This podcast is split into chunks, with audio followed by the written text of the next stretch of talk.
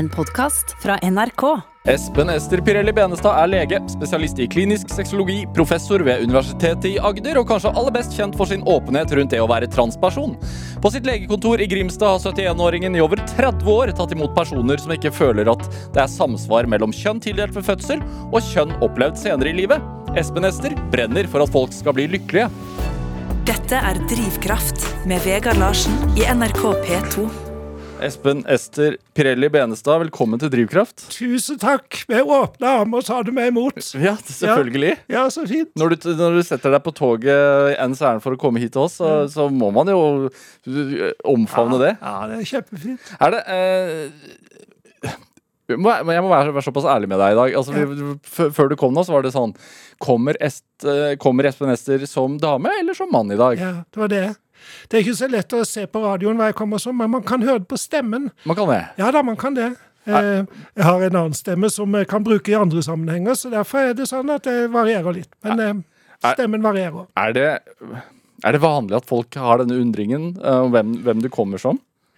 Ja, det, det vil jeg si. Det, vi, undrer oss jo ofte over det er litt uvanlig, og det er jo også mange som prøver å øve inn hvilket pronomen som er riktig, Ja. og hvilke bein de skal stå på nesten. Og jeg er jo bare et menneske. Jeg er jo bare et naturfenomen med, på linje med alle vanlige naturfenomener. Men, Ja, men det skal ikke, så, skal ikke så veldig mye til før man, før man som menneske også liksom undrer seg. ja, ikke sant? Og det syns jeg altså undringen er jo en vakker følelse. Eh, Så den skal man ha. Ja, eh, så vi skal forsøksvis eh, bruke hen. Ja, Er, er, det er det som er foretrukket, er det det ikke det? er foretrukket. Ja. Er det en, en annen ting jeg tenkte på, som, som er litt sånn For vanligvis når jeg får eh, gjester hit, så pleier jeg å fortelle hvor toalettene er. Oh, ja. Eh, For det trenger man jo ofte før man skal gå på radio en time. ja. Og, og se der er herretoalettet, der er dametoalettet. I dag var jeg usikker. Ja. Det er jo også en sånn Det må være slitsomt for deg, tenker jeg, at, at eh, folk du møter, har denne usikkerheten.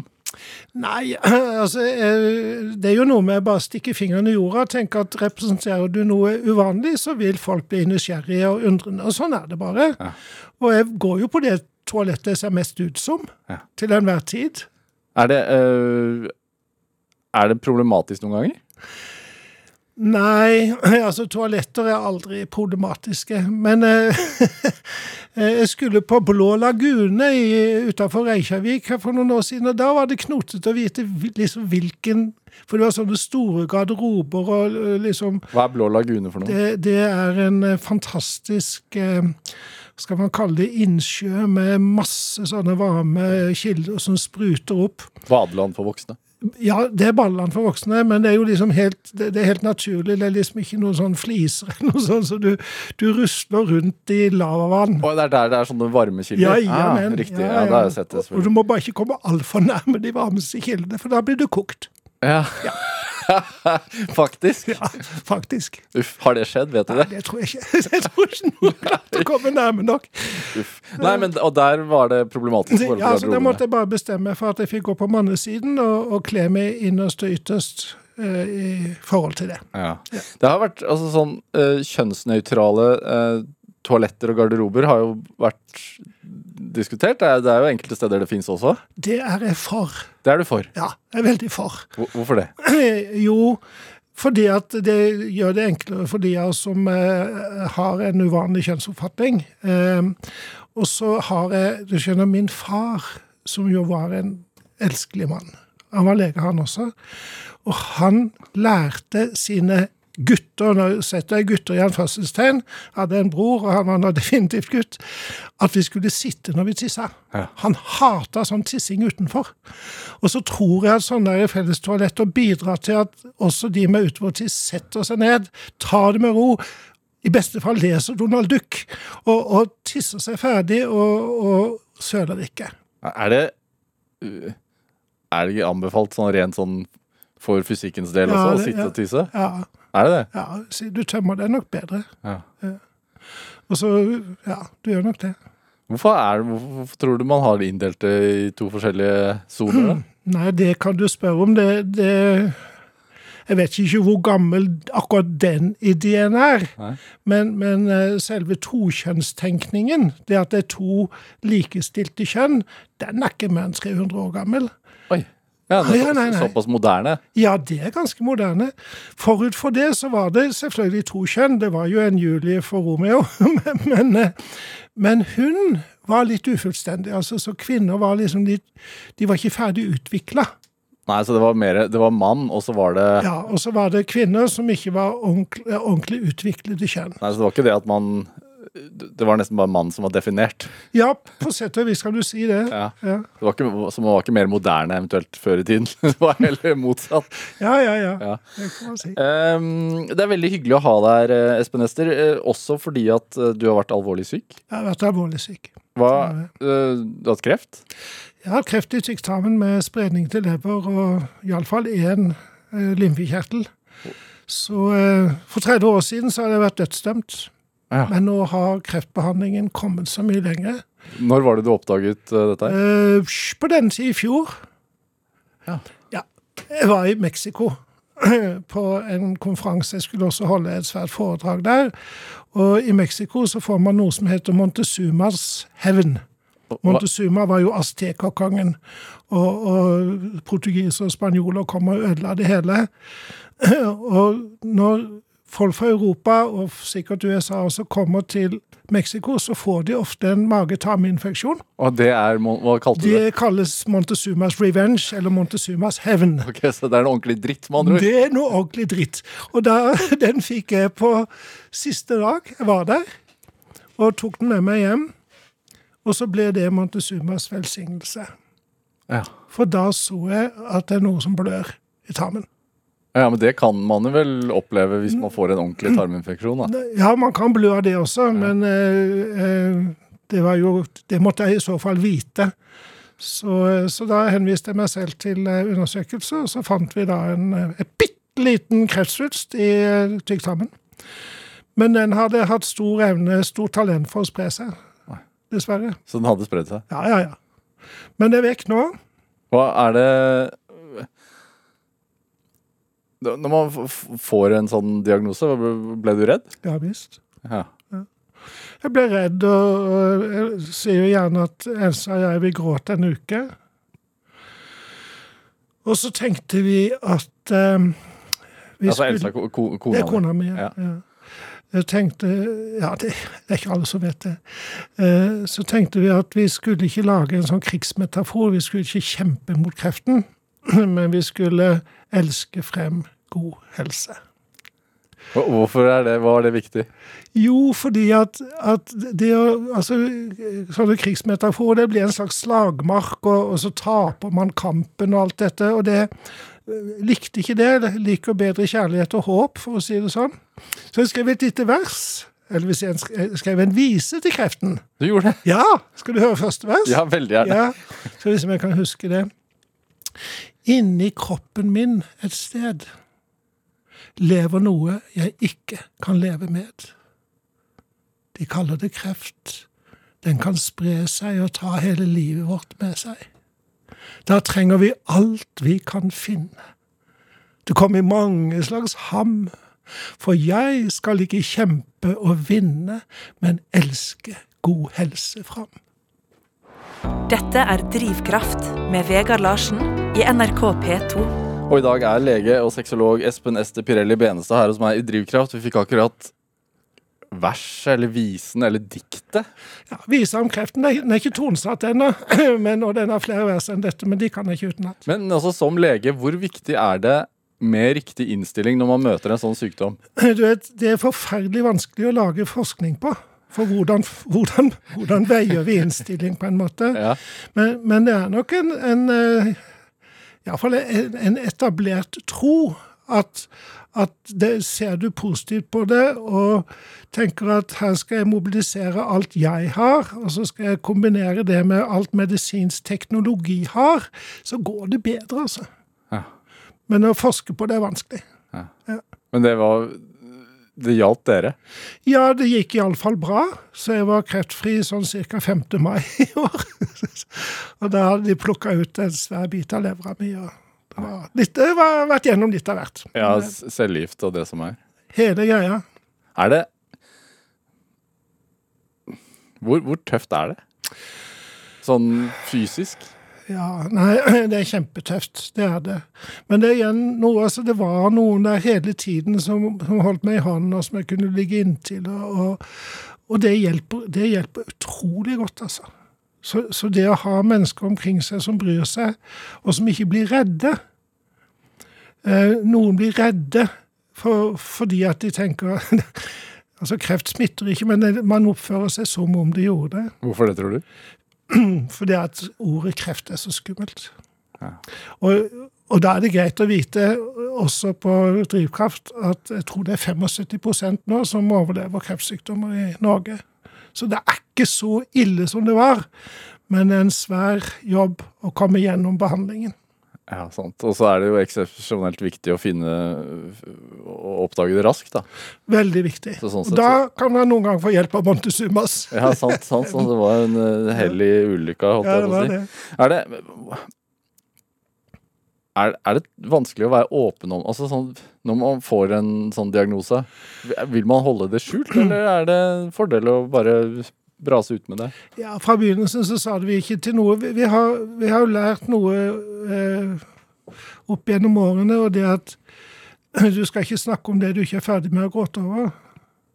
Så vi måtte bli ferdig med å gråte over det. Og så, så kom dette ut da på sånne transsider, og så tenkte jeg at når det kommer ut fra andre kanter, så skal jeg overta informasjonskontrollen på en måte. Så da fortalte vi det. Ja, For ryk, ryktene gikk. Ja, Ja. det gjorde det. Er det øh, Du har jobba hele tiden? Hele tiden. Underveis? Absolutt. Bortsett fra da jeg var innlagt. Men øh, jeg tenker sånn Jeg vet ikke om jeg ville gjort det. Jeg tenker sånn Ja, da skal jeg jaggu meg ligge i sofaen og se på TV. Hadde jeg tenkt. Nei, Det er tillagt Martin Luther at han eh, en gang ble spurt hva han ville gjøre hvis han visste at dommedag kom i morgen. Og da svarte han at da ville jeg plante et epletre i hagen, for det var det jeg hadde planlagt å gjøre i dag. Så jeg bare fortsatte å plante epletrær. Ja, og, og veldig fint bilde, men hva er det et bilde på? Jo, det er et bilde på at selv om døden truer, så lever du i dag. Og, og, og da skal du gjøre det du liker å gjøre, det som folk har behov for at du gjør, og alt det. Hva er dine epletrær, da? Ja, det var et morsomt spørsmål. Nei, det er jo å um, gjøre det tryggere å være annerledes. Hvis jeg skal Jeg har sagt det veldig vakkert en gang, uten at jeg riktig hadde planlagt det. Du har, du har sagt det veldig vakkert en gang, Ja, sier du. jeg har det. Ja. Ja, for da satt jeg ved siden av en indisk filmregissør, Rashid Atan, og dette var en ny del i. Og så, så jeg blitt fortalt at, at han ville se tvers igjennom meg. Og så sier jeg til da vår guide, så sier jeg, men det gjør ingenting, for jeg har ikke noe å skjule. Så jeg satt nå da og så småprata litt med han Rashid, og så plutselig så spør han, og han er, han er hindu, det er viktig her. sant? Så sier han, hvorfor er du her? På engelsk, da, men hvorfor er du her? Og det var ikke 'Hvorfor er du New Delhi?' Nei da. Det var 'Hvorfor har du valgt å komme til jorden?' Det lå i det spørsmålet. sant? Og så hører jeg altså min egen stemme si På engelsk. Jeg skal ta det på engelsk først. I am here to assist people in seeing their inner beauty. Jeg er her for å hjelpe folk å se sin indre skjønnhet. Det er epletrærne. ja. Og det føler du. Ja, ser du ikke det? Det er, det er vakkert, eh, Espen Ester. eh, og jeg er veldig glad for at du har tatt turen hit til, til, til oss også. Det er jo også litt, det er litt et epletre Ja, som er grunnen til at du tar toget ja, ja, til Oslo i dag visst også. er det det. Visst er det det. Eh, for det er jo Altså, du er lege, sexolog, men, men også, som jeg var inne på i introen her også, kanskje mest kjent for åpenhet rundt det å være transperson. Mm. Eh, kanskje mye også pga. filmen som sønnen din lagde for ja, 18-19 år siden. 2002. Ja, 18 år siden. Eh, men, men altså Hvem var Espen Ester som barn? Ja. Ja, nei, det er jo eh, Jeg var jo da forferdelig flink til alt mulig. Eh, og så var jeg Jeg var jo kjendis fra dag én.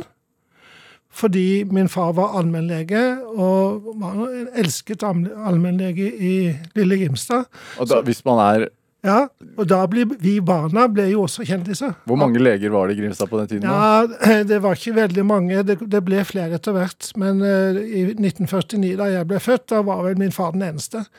Jeg tror alle, noen av de andre satt i fengsel. Jeg skal ikke si hvorfor det, men i alle fall. Så, eh, så han jobba jo bestandig. Eh, og alle visste hvem han var, og da visste alle hvem barna hans var også. Hvor, var- hvor, hvor var allmennlegekontoret? da? Var det hjemme hos dere? Hjemme hos oss. Var det, i, Første etasje. første etasje. Ja, ja, ja. Igjen, altså, jeg har jo vært i Grimstad noen ganger. Det er trevil, var det en trevilla, dette her, da? Ja, stor sånn gammel patricierhus, ligger tvers overfor Kulturhuset i Grimstad. Der vokste jeg opp med min far i første etasje. Og da kunne vi banke på døra og så si 'Pappa, kan jeg få, kan jeg få en krone til is?' Så fikk vi en krone til is. Ja. Så det var veldig nært. Det var det. Hva, hva gjorde din mor, da? Ja, hun eh, var jo eh, egentlig en lang historie med henne også. Hun eh, gikk på kunst- og håndverksskolen, men ga vel det opp til fordel for sin kjærlighet til min far. Så han, hun ble med han og hjalp han en del på kontoret, men var også mamma. Eh, og en ganske viktig mamma. Eh, hun eh, Jeg tenker at hun la lyrikken inn i livet mitt. Det gjorde han. Altså, Introduserte deg for Ja. kunst, eller? Ja, spesielt lyrikk. Vi syntes jo det var fryktelig morsomt, dette. Altså sånne ord som danser av gårde. Det, det lo vi veldig av hjemme hos meg. Sånn ditt og datt og dumme Petter sklir på sklien, den er glatt. En må dette, er det Petter, eller er det datt som detter, eller var det ditt som datt? Sånn. Og så fryktelig morsomt! Så, eh, så disse lekende, dansende ordene, de eh, fikk jeg veldig mye inn via henne, da. Du var flink, sier du. Hadde du det lett? Altså, hadde du lett for det, som man sier? Lett for alt mulig. Ja. Ja, fryktelig privilegert sånn. Hjernen har funka fra tidlig av, si. Ja, ja, ja. Er det, hvordan er det å vokse opp i Grimstad, egentlig? Er er det en idyll, idyllisk småby? Kjempefint. Flott der på sommeren. Ja, ja, ja. Og i min oppvekst, vet du, tidlig i 50-åra, så var jo byen var jo helt ufarlig. Så vi hadde jo byen som lekeplass, vi. Vi hadde leker som liksom spredde seg over hele byen. Vi hadde, med røver og politi og, og greier. Og hele byen var liksom vår lekeplass. Det kom jo en bil av og til, men det var jo mer et særsyn. Nå er det skumlere. Ja, Ja, Sånn er det over hele linja. ja det er det. Ja. Synd. Men er det eh, Er det egentlig det? Jeg vet ikke. Jo, eh, nå er det jo det sånn tilmålte lekeplasser, da, og det er jo fint at man har det. Ja. Men det er liksom å ha en verden som liksom bare ligger for dine føtter, på, på en måte. Ikke sånn at man er så Men bare fordi at man bor i en liten by, så, er, så i anførselstegn eier du byen og, og bruker den til det du har lyst til. Men når det er altså når man har legekontor da i, i første etasje, Ja. så, så kommer jo Da er det jo ikke noe hemmelighet for dere barna hvem som kommer og oppsøker legen. Nei da. Og min far hadde jo aldri timebestilling. Så eh, noen ganger så var det jo fullt, ikke bare på venteværelset, men utenfor venteværelset også. Men det var jo altså en, en liten by så er det sånn. Ja. Og man kan ikke man kan ikke liksom gå rundt og være terapeut som ikke kjenner noen. På en måte, Det lar seg bare ikke gjøre. Så, så kunsten er jo å være doktor når du skal være doktor, eller terapeut når du skal være terapeut, og så er du en Grimstad-beboer når du kommer ut av døra. Ja. Er det sånn ennå? Ja, eh, Elsa Almås, kona mi, har skrevet faktisk en artikkel om det der å være psykolog i en liten by. Eh, Og at det da blir litt gjennomsiktig hvem som går til psykolog. Så, eh, Er det alltid like heldig, tror du? Nei, det tror jeg ikke, men, men det er uunngåelig. Og så er det jo sånn da at uh, Elsa og jeg vi har kontor i første etasje, der vi bor nå. Ja, Du deler.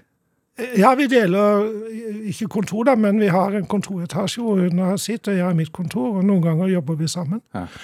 Og da er det jo noen som sier at eh, du vet, når vi går inn den døra til dere, og du ennå er litt doktor, så kan det jo ikke folk vite om vi har vondt i ørene eller vondt i sjelen. Og så sier jeg nei, det er fint. Ja, det er en trygghet. Ja. Det er enklere å ha vondt i øret. Ja, enklere, enklere det. Er det eh, Hvor vesentlig tror du ditt, altså din fars yrke har vært for ditt eget yrkesvalg?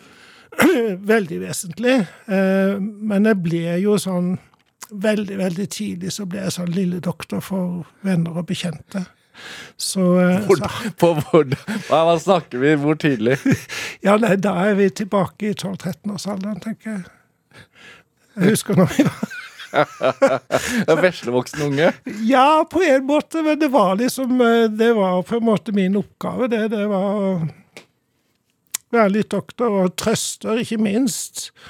Når mine venner ble dritings og lå og spøy der, så var jo jeg den som trøsta og holdt de for panna. Vridde opp kalde kluter og sånn. Så eh, Det var bare naturlig. det var bare naturlig. Jeg har ikke Jeg har aldri liksom bestemt meg for det. Det er bare sånn det er. Nå, altså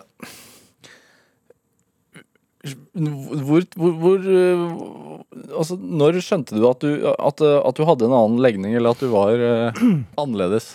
Jeg kan nok eh, føre det tilbake til fire-femårsalderen. Eh, Denne dragningen mot eh, det å være jente. Eh, Jeg visste jo ikke hva det var. Eh, Hvordan kjenner man den dragningen da? Du kjenner det bare. Sant? Det, det haler og drar i det. Så vi, jeg tror den beste sammenligningen det er for enhver å tenke på noe en lengter veldig etter, gleder seg veldig til. Det da Julaften, julaften, for eksempel. Fordelen med julaften det er at du kan si at du gleder deg til julaften. Ulempen med å lengte tilsvarende til å være jente, eller iallfall uttrykke deg jentete, den kan du ikke fortelle noen om. Men det, følelsen ligner. Det er en, det er en, Det er, en, det er en god følelse, egentlig, men Ja, det er en god og vond følelse. ja. Eh, eh, ja, guri malla. Eh, jeg lagde nettopp en metafor på det. Eller ikke en metafor, men en sånn aforisme på det. Åssen er nå den, da? At den kunnskap har vi fått. Du skal ikke føle vondt for noe som kjennes godt. Dette er Drivkraft med Vegard Larsen i NRK P2. Og i dag er lege og sexolog og vil jeg si lyriker. Ja da. Espen Ester Pirelli Benstad her hos meg i Drivkraft. Det er greit, det du liker altså det, Lyriker, kan, kan kalle deg det? Ja, det kan du godt gjøre. Jeg har skrevet veldig veldig mye. Ja. eh, Og har jo, jeg opptrer jo også med det sånn med gjennom mellomrom. Hvilken trøst, eller hva, hva får du ut av å skrive lyrikken? For det første så Vi skal jo snakke om drivkraft, og en slags forunderlig drivkraft i meg, det kaller jeg for bobler. Det begynner å boble inni meg, og så bobler det ut ting som danser av gårde på verseføtter. Så, og sånn har det vært siden jeg var 19. Um, og har du spurt om det, glemte jeg det. Nei, jeg spurte hva du fikk ut av og Jo. hva som skjer i deg du Jo, jo, jo. Og så lagde vi for mange år siden, for da var jeg med i Nei til atomvåpen, som jo alle burde vært med i. Uh, og så ble vi så lei av liksom sånne seriøse foredrag og den samme menigheten som kom hver gang, så vi tenkte vi måtte gjøre noe annet. og så lagde vi da en, eh, en forestilling som heter Den sunne fornufts død og begravelse. Og da skrev jeg mye av lyrikken i den. Og så erfarte vi noe interessant. At publikum, de lyttet, de lo, og de gråt. Og så tenkte vi, så rart at de griner. Og det tror jeg er noe av, av lyrikkens potens, kan du si. At den, den henvender seg til litt andre deler av hjernen vår, slik at vi blir mer følelsesmessig berørt. Og jeg blir følelsesmessig berørt av lyrikk som jeg liker. Ikke minst med at jeg ler, for jeg syns det er så godt skrevet. Så, og Derfor tenkte jeg at nei, men det skal være et av mine verktøy. Så eh, jeg bestemte også tidlig at jeg skulle ta lyrikken med inn i sexologien. Ja, Eller poesien i sexologien. Hvordan da? Jo, at jeg har øh, skrevet mye øh, ting som på en måte har sexologisk innhold og mening, da. Så, eh, For å gjøre det mer forståelig, eller for å eh, røre Ja, og- følelser, eller for å berøre på en annen måte. Sett ikke spørsmålstegn ved andres lykke. Hvor snodig den enn måtte være. For når det kommer til stykket, har du alltid noe å lære. Og det husker man. Når man husker at det er mye mellom null og knull. Sånn, Så, alle, så, så alle disse ordspillene og sånn, de, de hører meg til, og så ser jeg at de blir husket. Hvorfor har folk et sånt behov for å legge seg opp i andres lykke, tror du? Ja, det, det er, kan vi virkelig lure på. Hva i all verden har de der å gjøre? Ja. Sånn? Kan vi ikke bare se på at folk er glad og har det fint? Ja, hvorfor, hvorfor tror du det er sånn? Kontroll? Usikkerhet? jeg tror mye det er usikkerhet, da. Eh, jeg spør jo rett som det er publikum når jeg har noen, og det er ikke så sjelden, eh, om det er noen i forsamlingen som liker gammelost. Og da er det gjerne 1-2% som rekker opp handa. Og så spør jeg de andre, da, 98% om de kan forstå at det går an å like gammelost, og så rister de på hodet og så sier nei, nå er vi midt i problemstillingen.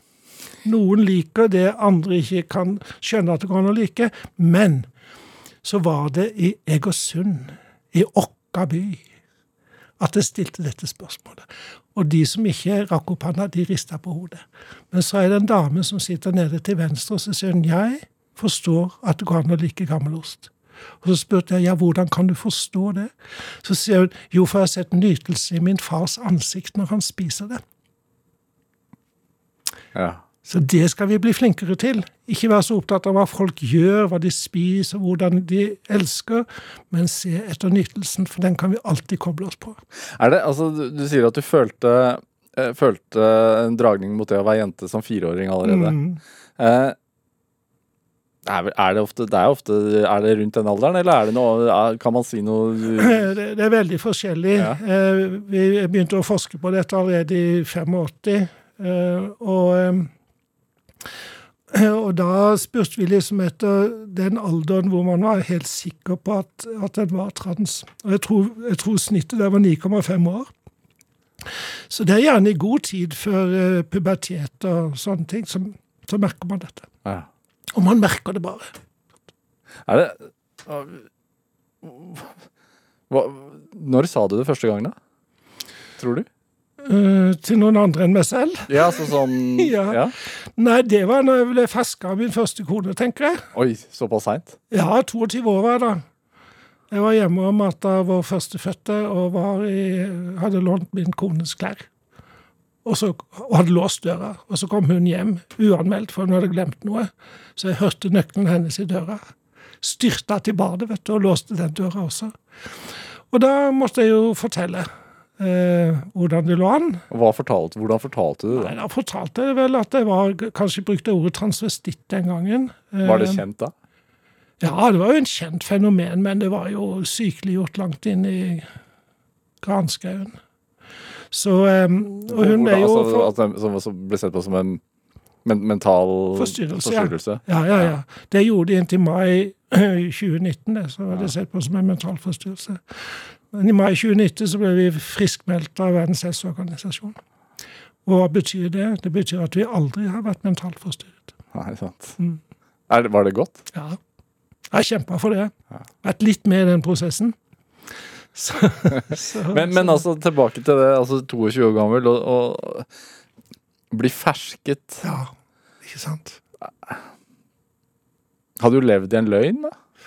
Ja, på sett og vis. Altså, jeg hadde jo ikke sagt noe usant, men jeg hadde bare ikke sagt hele sannheten. For det er jo sånn at når man oppdager en sånn ting, så, så vil jo mange si at det snur alt på hodet, men det gjør jo ikke det. Alt det andre jeg hadde gjort og sagt og villet, det var jo like ærlig og oppriktig for det. Det var bare dette var ikke snakket om. Eh, og jeg var jo en master of disguise. Jeg visste godt når jeg skulle ha pokeransikt. Og, og det har jeg også hatt bruk for. Ja. å kunne. På hvilke sammenhenger da? Jeg tenker på når jeg liksom skulle gjøre min første spinalpunksjon, altså trekke sånn der eh, Din første Spinalpunksjon trekker hjernevæske ut av folk, og det gjør du nede i ryggen. Ja, sånn Stikker en lang nål inn, ikke ja, sant? Det som er ikke noe særlig behagelig. Det ser litt ekkelt ut. Ja. Og da spurte selvfølgelig pasienten om jeg hadde gjort dette før, og så sa jeg klart det. Nei, det er ikke, det er ikke greit å Jo, det- lyve om som lege. Jo, men da ble jo den Hvis jeg hadde sagt at det er første gang, tror du at vedkommende hadde slappa av da? Nei, det tror jeg ikke. Uff a meg. Men, men er det eh, Grunnen til at, man, altså, at det tok så lang tid for deg altså, Mm. Du st- sto ikke frem selv om du ble fersket? Nei, men eh, da begynte det, det prosessen med å stå frem. Eh, Jeg lovde at jeg ikke skulle gjøre det mer, og det holdt et års tid. Men så skjønte jeg at det, det kan du ikke. Du bruker opp altfor mye energi på å ikke være. Ja. Så, så da begynte vi for så vidt en forsiktig åpningsprosess overfor venner og, og kjente og sånn. Så etter hvert så, eh, så fikk jeg jo liksom eh, et liv, et, skal vi si, et kvinneliv også. Traff Bertolt Grünfeldt på en sånn transforeningssamling. Så vi, det var han og jeg som lagde eh, forskning sammen. Så det, så vi ble også gode venner. Bertolt var fin. Hva- Var det noe forskning på det i Norge? Veldig lite. Ja. Ja. Er det øh, Når fortalte du til moren og faren din det? Ja, det var jo da min ekskone som fortalte det til min mor, eh, men ikke til min far. Ok. Hun, hun tok vurderingen på det? Ja, jeg, jeg sa det at du, må snakke med den du vil, jeg kan ikke legge bånd på deg når du først har fått en sånn utfordring. Så min mor visste det, og jeg fortalte min far når jeg skulle skilles fra min første kone. Så da fortalte jeg det. Og da hadde jeg truffet Elsa, da. Så pappa spurte Elsa om hun kunne ta det vekk. Og så sier Elsa nei, det kan jeg ikke. Nei vel, sa min far. Men jeg vil ikke treffe deg som kvinne. Noen år senere så skulle vi kjøre bil til Verona i Italia. for Skulle se Aida i Colosseum Colosseum der. Og da merka vi veldig godt at mine foreldre hadde lyst til å være med. Men de våget liksom aldri å spørre helt åpent om det. Og så, så sier Elsa kan vi ikke tilby, så sier nei, nei, nei, det skal vi ikke vi skal vente til de spør. Og så må vi da si når de spør, at da må min far treffe eh, meg i kvinneuttrykk. Og så spurte de da omsider. Og så sier de ja, det skal få være med, jeg kan sitte bak setet, men du må treffe Espen, eller Espen i kvinneuttrykk. Og så sa min far det gjør vel ingenting! så Verona var en transeverd. Ja. altså, men det tok han noen år, da. Det tok han noen år. Ja, ja, ja. Er det altså, Du har sagt at du aldri har følt på noe skam. Eh, Jo, litt, men jeg har ikke noe stort talent for skam. Men Hva, betyr det? Ja, at eh, skammen satt ikke noe fast. Jeg skamma meg jo når jeg ble ferska, selvfølgelig. Jeg er jo ikke laga av stål. Men eh, etter hvert så hadde jeg jo tilegna meg litt kunnskap om dette. Og, og lært at det som sto i leksika, var feil. Hva sto det der? Nei, det sto at det var en sykelig trang til å iføre seg det motsatte kjønns klær. Det er det ikke. Nei. Nei, det er et behov for å bli bekrefta som det kjønn du opplever at du er. Og, og da bruker man jo de virkemidlene som eh, vår kultur gir oss. Eh, og virkemidler for å forhandle for å være jente, er jo å bruke jenteting og fremstå på en jentete eller kvinnelig måte. Så, så det er ikke noen sykelig trang, men det er et ønske om å kunne føle seg hjemme som det en føler at den er. Er det hvor mye Altså, jeg tenker sånn Frykter man da kanskje skammen de nærmeste vil føle? Større enn sin egen skam?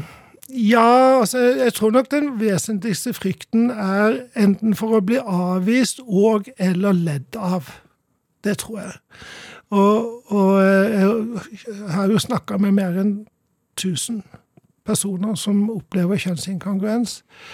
Og den, den frykten, den går igjen. Altså dette blir, blir latterliggjort eller forkastet.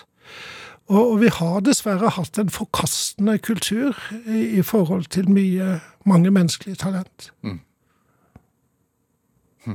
Er det eh, altså, du, nevnte sønnen din, altså Even Benstad. Mm. Filmen han lagde for 18 år siden, eh, 'Alt om min far', den Hva skal man si?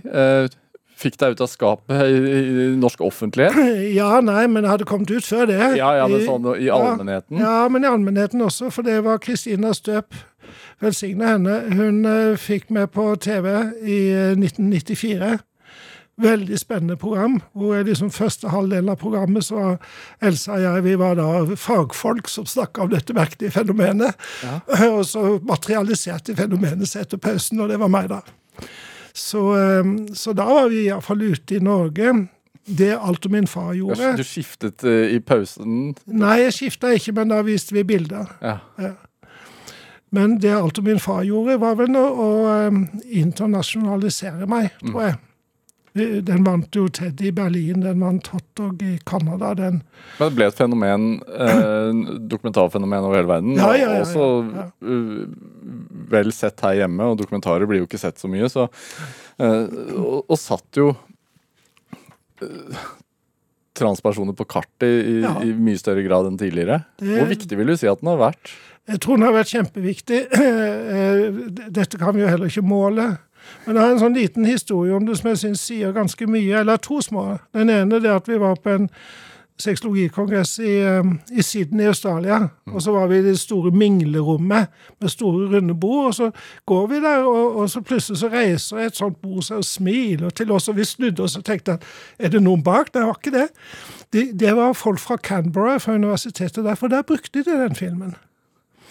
Og, og, ehm, jeg vet ikke om det var den gangen, jeg har vært mye i Australia. Ehm, så sto vi i teaterkø i Adelaide. Og så er det en som tapper meg på skuldra, så snur jeg og ser på et helt ukjent menneske som sier 'Nice to see you here'. så, så, den har nok satt spor etter seg rundt omkring. Men hvordan var den å spille inn? Nei, jeg syns jo alt sånn er gøy, jeg, vet du.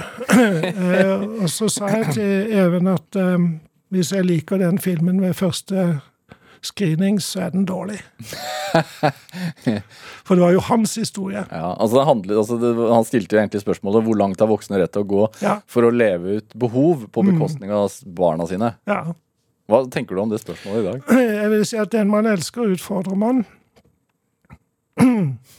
Så hvis vi skal eh, beskytte våre barn mot alt som er uvanlig, mm. og ikke ondt, ja, da gjør vi dem vondt. Ja, hva, hva, hva, legger du i det? Jo, for da, da er det jo uforberedt på, på, verdens rikdom og mangfoldighet. Og jeg tenker eh, tilbake til min egen oppvekst. Jeg lærte jo virkelig av mine foreldre å verdsette alt menneskelig. Um, skulle, intet menneskelig skulle være oss fremmed, liksom. Det, det, det, ble, og det ble ekte verdsatt. Det var ikke bare ord i munnen, men eh, vårt hus, hjem var jo alltid åpent. Alle slapp inn. Det fantes ikke dårlige venner, liksom. Var, alle var velkommen. Hva, hvordan er det å være transperson i dag kontra for 18 eller si 30 år siden? Det er nok bedre. Det er blitt mye mer stolthet. Ja, ja mye mer. Og det det er kjempefint. Så, så har jo eh, transbegavede folk som meg selv da, eh, overtatt en god del av behandlingsapparatet. Som jo har vært forskrekkelig dårlig og prega av cis-folk som ikke forsto seg på oss. Så, eh, så det har endra mye. I Norge så vil jeg si at det norske folk har vist seg utrolig mye bedre enn sitt rykte. Hva, hvordan da? Ja, ved å ta imot. Altså, det er det merkeligste stedet jeg kan bevege meg, og så kommer folk og klapper meg på skuldra og sier 'takk for at du gjør dette'. Så sier de 'jeg er ikke trans og sånn som du er', men når du kan stå frem med det du er, så kan jeg også snakke om det jeg er. Hva, hva føler du da, da? Lykke. Eh, Espen Ester, du reiser veldig mye. Jeg hører, hører bare på den samtalen her nå. så du har nevnt Mexico og India og Australia. Ja. Kommer dette behovet for å reise ut? Det er for så vidt ikke behov. Det er stort sett fordi at vi blir invitert, eller fordi at det er noen kongresser. Vi var jo på en, en lang turné i Australia for et års tid siden. Eller halvannet år blir det, var før jeg ble syk. Og reiste fra og i Pøs, og vi var Adelaide, og vi var i um, oh, En heter den som ligger helt opp nord der. Um, noe på det. Ja, samme det. Vi var iallfall på de tre stedene og hadde sånn public performances. Hva gjør man der, da? Jo, da holder Elsa og jeg et foredrag som vi kaller for From Gender Dysphoria to Gender Euphoria, som betyr fra kjønnsmismot til kjønnsbegeistring. Trenger man det i 2020? Det trenger man i 2020. Hvorfor det? Fordi at det er fremdeles så mange som sier at de ikke kan forstå, og sier at det, det må være sykt. Og husk, det er bare et drøyt år siden vi ble friskmeldt. Så hele psykiatrien har jo inntil, for å si det sånn, halvannet år siden betrakta oss som mentalt forstyrrede. Og det er klart det har vært en tung byrde å bære. Hva, hva har det ført til? Altså før, før man fikk den, det stempelet på at man var frisk, da. Hvor, hvordan har det påvirket? det har jo bidratt til skammen. Ja. for de som har talent for å føle skam. Eh, og når jeg er velsigna med relativt lite av det talentet, så har nok det også med at eh, i tillegg til eh, foreldre som er fornøyd med, jeg hadde en dadda som elsket meg overalt i verden. Altså en, en dadda, det vil si en Ja, en som eh, var, var Det het vel hushjelp den gangen, og, og hun kom inn i huset da jeg var to år. Eh, og hun hadde masse, masse, masse kjærlighetskapasitet som hun da øste utover meg. Og jeg tror nok det ligger der som en sånn helt grunnleggende opplevelse av, av å være ålreit, altså. å bli sett, rett og slett. Ja. Tror Du, eh, Espen Ester, du har med litt musikk. Og når du snakker om kjærlighet sånn som du gjør nå, så tenker jeg at det er fint eh, Da kan vi fint spille den. Fordi det er en, det er en låt som heter 'Jeg elsker deg', eh, fremført av Rune Udal, men skrevet av deg Ja, til Elsa. til Elsa. Hva, er, hva, hva handler den sangen om? Altså, det, det er, ligger kanskje i ordene. I grunnen så er tittelen relativt beskrivende, syns jeg. Men er det, altså, jeg vet du har en sånn teaterscene i Bakhagen og sånn i Grimstad. Mhm, har det. Ja. Så den har vært fremført der mange ganger. Så hender det synger den sjøl. Eh, eh, a cappella. Men akkurat her så er det Rune Udal som har satt tonsatt den, som synger den. Er det sånn Gledens hage i Grimstad, dette her? Ja, det vil jeg si. Ja. Ja, det vil jeg si. Ja. Det var et flott ord. Hva var det dere så kom, kom til Hagen og Ja, det heter Hageteatret 42, Ja. og det er da en Facebook-gruppe med 673 medlemmer. Oi! Ja, ja vel. Og vi setter opp stykker, og vi setter opp tidvis foredrag, og forskjellig. Mye av mine tekster går igjen der, men ikke bare mitt, men også andres. Men hva, hva gir det deg, da? Å, å invitere folk til bakhagen og Lekeglede. Lekeglede. Ja. Ja.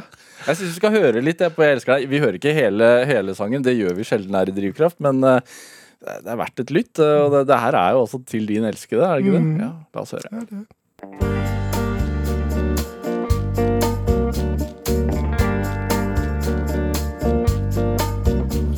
Jeg elsker deg når du er naken, men også Jeg elsker den deilige baken, det er den som jeg tenker på nå. Og jeg elsker deg når dine trus smyger seg tett inntil din kropp. Da kjenner jeg blodet bruse, og en del av meg reiser seg opp. Og jeg syns så godt om å stryke min elskedes buer myke.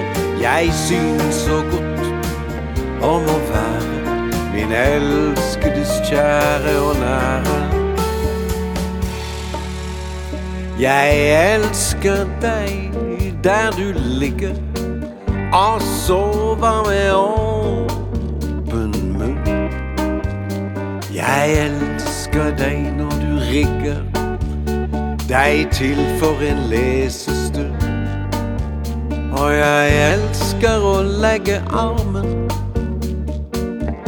min rundt om ditt fine liv og kjenne den gode varme som gir mine dager driv. Og jeg elsker deg når du blir bråsint, om når du er blid og glad. Og jeg vet at du ikke er så sint at jeg bør mønstre av. For jeg syns så godt om å stryke min elskedes buer myke. Jeg syns så godt om å være min elskedes kjære og nære. Ja, Du fikk eh, låten 'Jeg elsker deg', fremført av Rune Udal, skrevet av Espen Ester Pirelli Benestad, som er min gjest her i Drivkraft på NRK P2 i dag. Eh, altså, mange år så har du kjempet for at kjønnsdysfori eh, ikke skal ses på som en sinnslidelse. Ja. Kjønnsdysfori, hva er det? Ja, du kan si at det er et dårlig ord, for det at eh, man er gjerne ikke kjønnsdysfor. Eh, så Hva vil det si å være Altså, kjønnsdysfor? Dysfor betyr mismodig eller misfornøyd eller ha vondt ved. Ja. Eh, Men man er kroppsdelsdysfor. Og det betyr at man hadde vondt med noen kroppsdeler.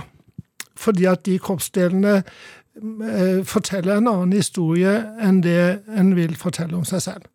Og, og i det oppstår denne, dette mismotet, eller dette ubehaget, som har fått et litt gresk navn, som heter dysfori. Men det betyr smerte eller ubehag.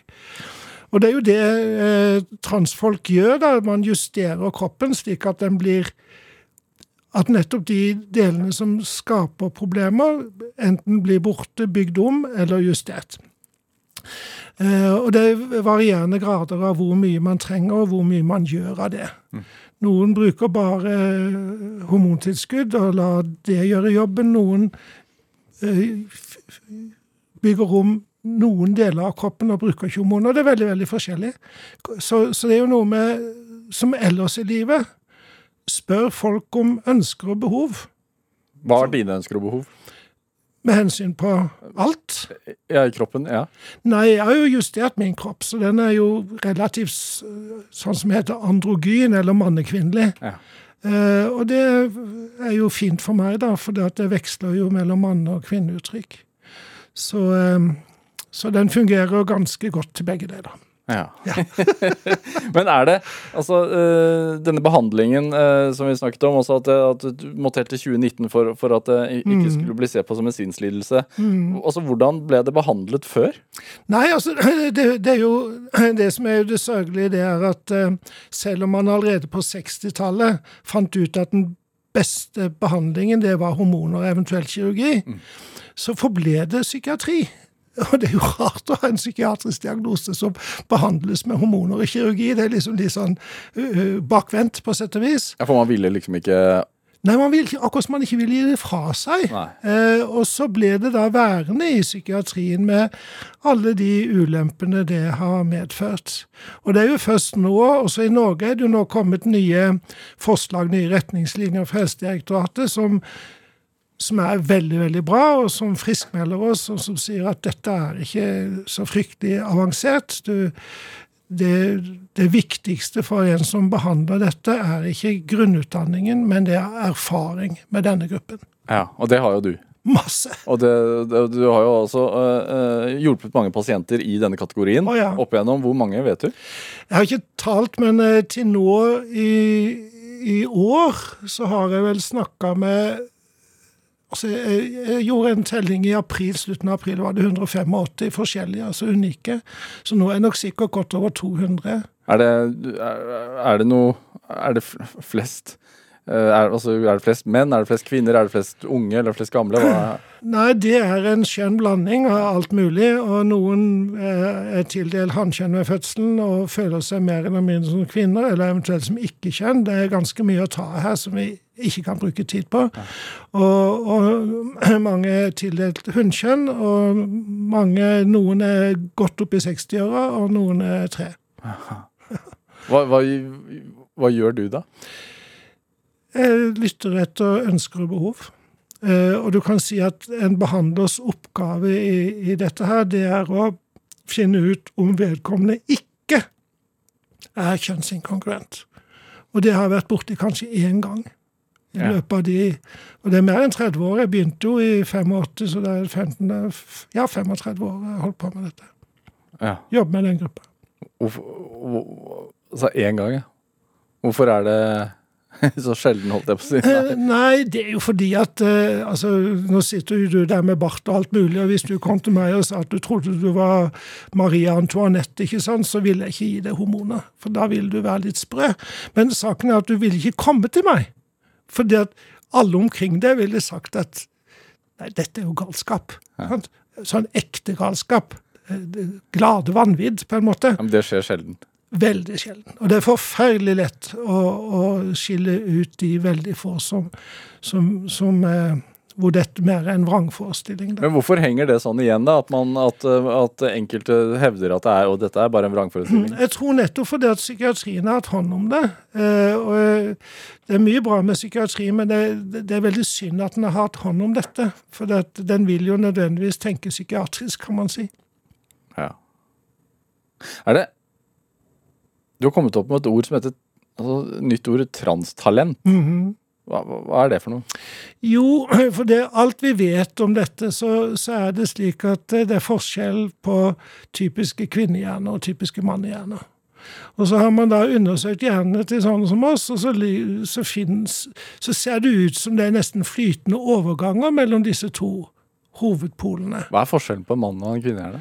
Ja, det går litt på hvit substans, og det går litt på sånn forskjellige ting. Men, og det, det er helt åpenbart at det er noe med, med trans, transhjernene som, som skiller seg både fra kvinnehjerner og mannehjerner.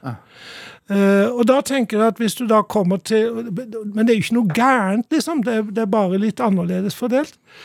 Og da tenker jeg da er det talent.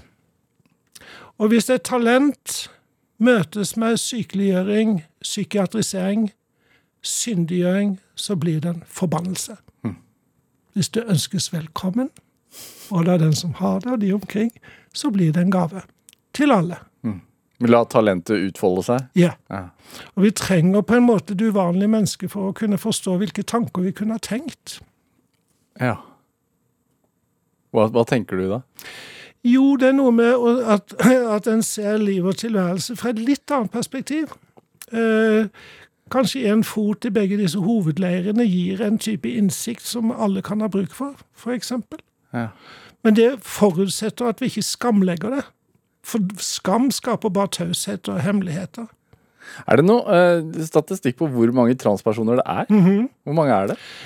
Et sted mellom 1 og 2 prosent. eh, som er et mye mye høyere tall enn det de opererer med i klinikkene. Eh, så det klinikkene registrerer nå, det er jo at det kommer så mange, mange flere. Og de kommer nok fra denne svære reserven, hvis vi kan kalle det det, som, som ligger i befolkningen. Fordi at det er mer stolthet, det er blitt mer tillatt å, å være trans. Ja. Hvor mye tenker du at du har eh, Bidratt. påvirket i den kampen? Det vet jeg at jeg har. Ja. Ja, og det, det er jo ikke bare transer som sier det, men det sier homser og lesber og andre skeive også, at, eh, at det har vært en viktig person for det. Men det at du fremdeles får såpass mange eh, pasienter eh, som kommer til deg for å søke råd eh, og det, er, ikke bare fra Grimstad de kommer, antar jeg? Hele Norge. Ja, Absolutt det, hele Norge. det, det sier jo meg at det er fremdeles et behov for å for, for å prate mer om dette her. Svært behov, og vi trenger mer utdanning. Det er jo fantastisk vet du, at verken, verken legeutdanning, psykologutdanning, sykepleier, vernepleier lærer noen ting om kjønn og seksualitet. Som om det var betydningsløst i livene våre. Og det er det jo ikke. Nei. Vi, vi har tall som sier at, eh, og det er veldig forsiktige anslag, at, at eh, 5 av befolkningen har til enhver tid et sexologisk utfordring de føler de trenger profesjonell hjelp til å løse, og det er mange. Men hva tenker du om altså det er de som tenker sånn at Kjønn, er det så vesentlig, da? Ja, nei, det kunne man jo selvfølgelig tenke seg at det ikke var, men tenk nå, hva spør vi om når det er kommet et barn til verden? Spør vi om mor overlevde fødselen? Nei, Ja. spør. Og blei det, sier de i Grimstad. Og blei det. Ja. I betydning ble det en gutt eller en jente. Så, så det, er, det er veldig viktig i vår kultur, og det har sine lyse, men selvfølgelig også sine mørke sider. For det blir så altfor viktig. Altså Vi snakket jo om at du, du ble syk og fikk kreften, og at du jobbet gjennom hele eh, sykdommen. Eh, både fordi at det kanskje var viktig for deg å ha noe å gjøre, men, men tenker du også at at stillingen din er vesentlig? Altså at det vil bli et tomrom hvis du hadde satt uh, låst døra, holdt jeg på å si? Ja. På hvilken måte da? Nei, hvor skulle de gå hen? Uh, det det er jo mange av klientene mine som ble veldig veldig engstelige for at jeg skulle bli borte. Og så tenker jeg det er jo et privilegium for et menneske at så mange ville synes det var trist hvis vi forsvant. Er litt tungt også, da, at man bærer den børen, holdt jeg på å si. Ja, men du vet, den som brenner godt, brenner ikke ut. Nei, Hvor lenge skal du holde på da? ja, til kampa tar vi. Ja. Eh, Nei, vi, vi eh, Ellers jeg hadde tenkt vi skulle trappe litt ned. Da. ja, fordi kampen er jo litt vunnet nå. Ja, men ikke helt. Nei, Nei, hva skal- gjenstår? Ja, Det gjenstår at vi får dette fordelt mye mer utover landet, og at vi får flere fagfolk som, eh, som er transpositive og ikke transnegative. Og, og, så det er en god del igjen å gjøre, men, men det er mye godt på gang, da. Men så liker jeg jo Jeg liker å ha med folk å gjøre. Så, så um, Er det, for, er det for vanskelig i dag å få, få gjort en endring? Ja, definitivt. Det er ikke så vanskelig hos meg, for at, eh, at jeg har jobba så lenge med dette, så for meg er det ganske lett å skjønne og høre. Ja, men en kropp, også få, få, gått gjennom en kroppslig endring hos Eh, Hormonelt er jo ikke noe vanskelig å få til, for det, men eh, å gjøre dette kirurgisk Det er jo veldig mange som reiser utenlands Ja. for å gjøre altså, sånn kjønnsorgankirurgi, eller de reiser til Spania og gjør noe som heter FFS. Og det står for at man feminiserer ansiktet. For selv ansiktene våre har klare trekk som knytter de til det kjønn vi ble tildelt ved fødsel. Espen Ester, vi kunne snakket mye lenger. Eh. Den timen går altfor fort. Eh, Helt kort mot slutten her. Din drivkraft, hvordan vil du veldig kort oppsummere den? Ja, eh, jeg tenkte at eh, jeg har mye driv. Jeg har mye driv i kjærlighet. Kjærlighet til det menneskelige. Og så har jeg mye kraft i min vilje. Helt nydelig. Tusen takk for at du kom hit, Espen Ester Pirelli Benestad. Eh, hør flere samtaler i Drivkraft på, på nett, eller last oss ned som en podkast. Send oss også gjerne ris og ros eller tips om mennesker du mener har drivkraft. Send e-post til drivkraft, krøllalfa, nrk.no. Vi hører veldig gjerne fra deg. Produsent og researcher i dag var Ellen Foss Sørensen. Jeg heter Vegard Larsen. Vi høres. Du har hørt en podkast fra NRK. Hør flere podkaster og din NRK-kanal i appen NRK Radio.